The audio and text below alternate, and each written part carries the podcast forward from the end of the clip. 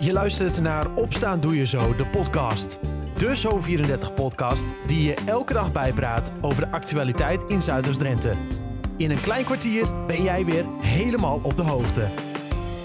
Het is maandag 20 september 2021. Dit is Opstaan Doe Je Zo, de podcast, aflevering 36. Een grijs weerbeeld vandaag met af en toe ruimte voor de zon.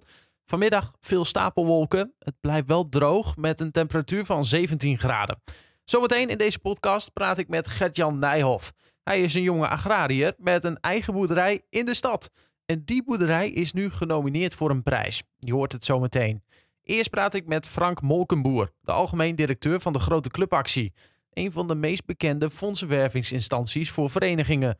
Maar liefst 55 clubs uit Zuidoost-Drenthe doen mee aan de actie die afgelopen zaterdag is begonnen.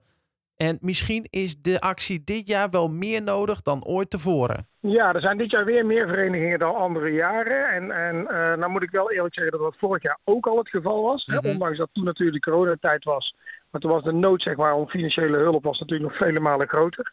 Toen hadden we ook een coronaproef vorm uh, ontwikkeld, zeg maar. Yeah. Dus dat, dat hielp enorm. Uh, maar ook nu zien we dat weer. En we zien natuurlijk dat heel veel verenigingen die hebben het door alle overheidsmaatregelen en overheidssteun, zeg maar, hebben ze het uiteindelijk wel kunnen redden. Mm -hmm. Maar uh, ja, nu komt er een nieuw jaar aan waar die steun natuurlijk wegblijft. En dan is het maar weer de vraag van, uh, halen we weer net zoveel sponsorinkomsten op? Hè? Want die sponsors hebben het natuurlijk ook moeilijk gehad. Ja. En we zien natuurlijk dat heel veel verenigingen, dat daar het ledenaantal teruggelopen is. Dus de contributieinkomsten, die zijn ook minder. Ja, en over precies. het algemeen genomen, uh, kijk als je morgen, zal maar zeggen, 50 leden verliest de kosten worden niet naderhand uh, minder, zeg maar. Dus uh, ja, ook het geld is juist in dit jaar, hè, terwijl we allemaal weer open zijn, terwijl het er allemaal weer goed uitziet, mm -hmm. uh, ja, toch extra hard nodig, zeg maar, om, om zeg maar, de verenigingskas weer op orde te krijgen. Ja, afgelopen zaterdag is de actie begonnen. 55 verenigingen uit de gemeente Emmen en de gemeente Koevoorde, dus uit Zuidoost-Drenthe, doen mee.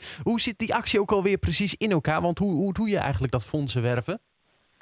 Ja, het is eigenlijk zo dat uh, de verenigingen die, uh, die sturen als het ware hun leden op pad met, uh, en dat kan op verschillende manieren, dat kan met, met fysieke contante loodjes zijn, dat, dat gaat met verkoopboekjes mm -hmm. en tegenwoordig gaat dat met een verkoopboekje met een QR-code daarop.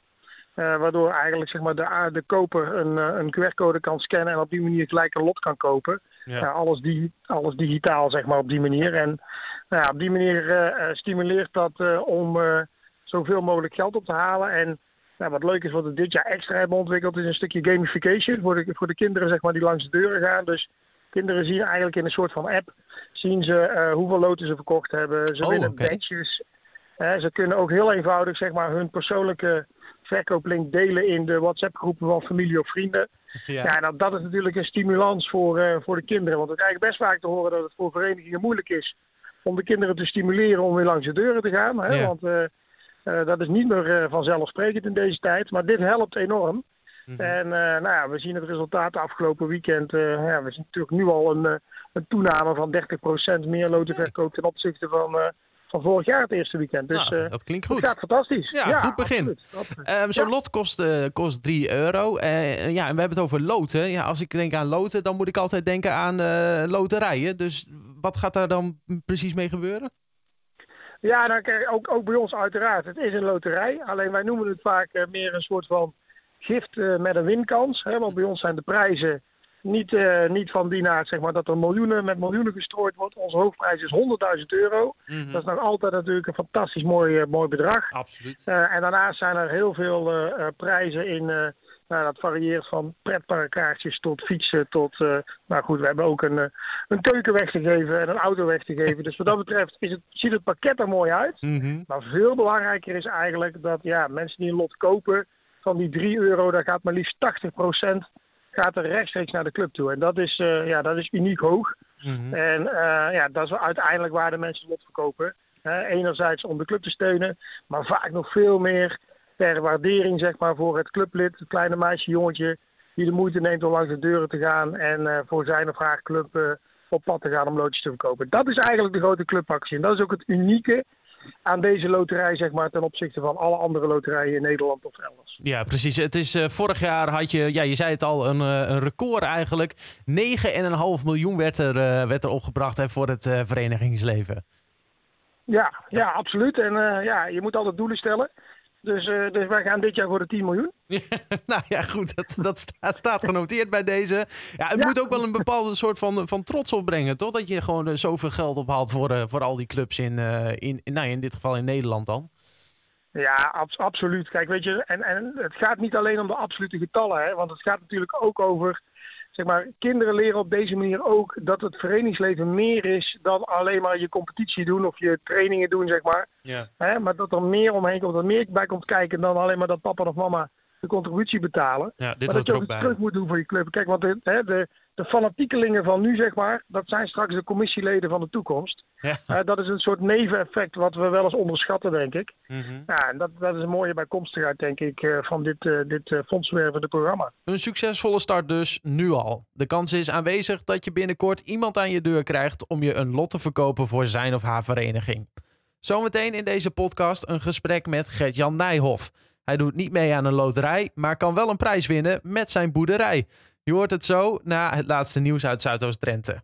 Op een afrit van de A37 bij Nieuw-Dordrecht is vannacht een auto van de weg geraakt en op de kop in een droge sloot terechtgekomen. De bestuurder raakte gewond en is naar het ziekenhuis gebracht. De auto liep flinke beschadigingen op en kan als verloren worden beschouwd.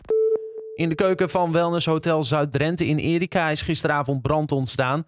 De oorzaak van het vuur was een vlam in de pan. De brand kon snel geblust worden door het personeel met behulp van een blusdeken. De brandweer kwam nog wel te plaatsen voor een nakontrole. Het is niet bekend wat de schade van de brand is. Voor zover bekend raakte er niemand gewond. En heel lang mocht VV Emmen gisteren hopen op de eerste drie punten van het seizoen. Maar vlak voor tijd viel toch de gelijkmaker van de Suaven. Op basis van het spel was die 1-1 verdiend, maar het was wel zuur voor de thuisclub. Door het gelijkspel blijft Emmen laatste in hoofdklasse A van het zondagvoetbal met één punt uit vier duels. En de heren van ENO hebben de eerste competitiewedstrijd gewonnen. In Rotterdam was de ploeg van trainer Henrik Bergholt met 22-26 te sterk voor Feyenoord. Topscorers bij de Emmenaren waren Daan Molenbroek en Rick Wielagen. Het was het eerste duel onder leiding van Bergholt, nadat de club vorige week afscheid nam van trainster Annelies Smeets. Volgende week speelt ENO tegen BFC. Voor meer nieuws uit de regio kun je altijd kijken op zo34.nl of in de gratis Zo34-app.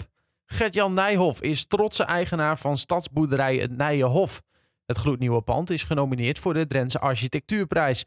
Je zou toch zeggen dat het dan een spectaculair gebouw is? Uh, ja, nou ja, toch eigenlijk best wel. We hebben wel uh, met zorg het, het, gebouw zo ontwerpen dat het goed in het landschap past. Mm En dat is natuurlijk een hele mooie opsteken dat we nou ja, genomineerd zijn van de 28 inzendingen en dat we bij de laatste zijn. Ja, laten we even helemaal aan het begin beginnen, want de, de stadsboerderij heet het Nijhof. Jij heet uh, Nijhof van achteren.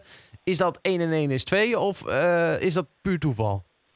Ja, nee, zo is er toch wel over nagedacht inderdaad. Nou, Nijhof, het Nijenhof, Hof staat natuurlijk voor boerderij. -hmm. En het is iets nieuws, dus zo hebben we dat uh, dat bedacht eigenlijk. Ja, wat doen jullie daar precies? Want jij bent uh, samen met uh, Rick. Rick is dan jouw uh, broer, broertje? Ja, klopt. We hebben met z'n tweetjes hebben we dat idee opgepakt. En zijn we eigenlijk ruim een jaar geleden begonnen met de bouw van de boerderij. Mm -hmm. De boerderij die is nu opgeleverd. En we zijn wel bezig met de afrondende werkzaamheden, zeg maar. Dus dan moet je denken aan de, de installaties en dat soort dingetjes. Maar straks is het idee dat uh, publiek, de mensen uit de buurt, zeg maar, op de boerderij kunnen kijken. Bij de koeien en uh, eigenlijk gewoon weer kunnen zien van hoe gaat het dat boerenleven eraan toe. Ja, want het is dus een stadsboerderij, maar ik moet het dus ook echt voorstellen als gewoon eigenlijk gewoon een echte boerderij. Uh, ja, klopt. Echt een open deur voor het publiek. Vroeger had iedereen een, een opa of een oom of tante die een boerderij had, waar wel eens bezocht kon worden. Ja. Dat is tegenwoordig minder. En uh, nou ja, die plek die willen wij graag invullen. Mm -hmm. Dus kijken bij de koeien, bij de robot, hoe ze gemolken worden. En vervolgens wordt uh, de melk ook allemaal op de eigen boerderij verwerkt oh. tot kaas.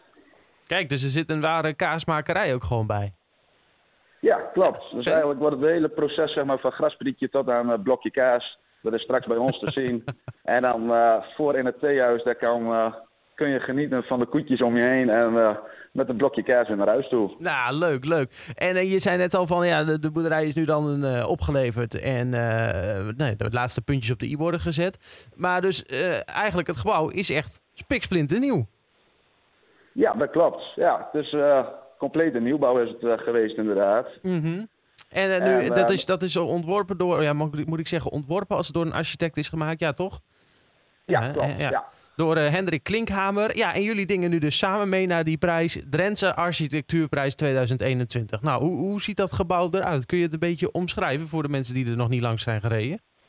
Ja, zeker kan ik dat. Het is een gebouw uh, bij nou, best een moderne stijl, zeg maar, met schuine kanten. Uh, dat het gebouw eigenlijk in zijn geel opgaat in het landschap. Het gebouw ligt een beetje in een gat als je het bekijkt vanaf de weg. Mm En het dak bijvoorbeeld, dat is voorzien van een sedumdak, dus het dak is helemaal groen. En hij ligt langs de bosrand, dus hij valt eigenlijk ook heel mooi weg in het landschap.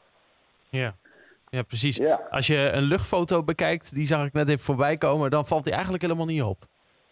Nee, nou, klopt. Inderdaad. Het, is, uh, het, op zich, het wordt wel gezien, maar het valt eigenlijk door het, uh, ja, door het rustige type, door de rustige stijl, valt hij eigenlijk echt wel heel mooi weg. Ja. Wat maakt dat gebouw nou zo bijzonder dat jullie meedingen naar die, naar die prijs? Of weet je dat zelf eigenlijk ook niet?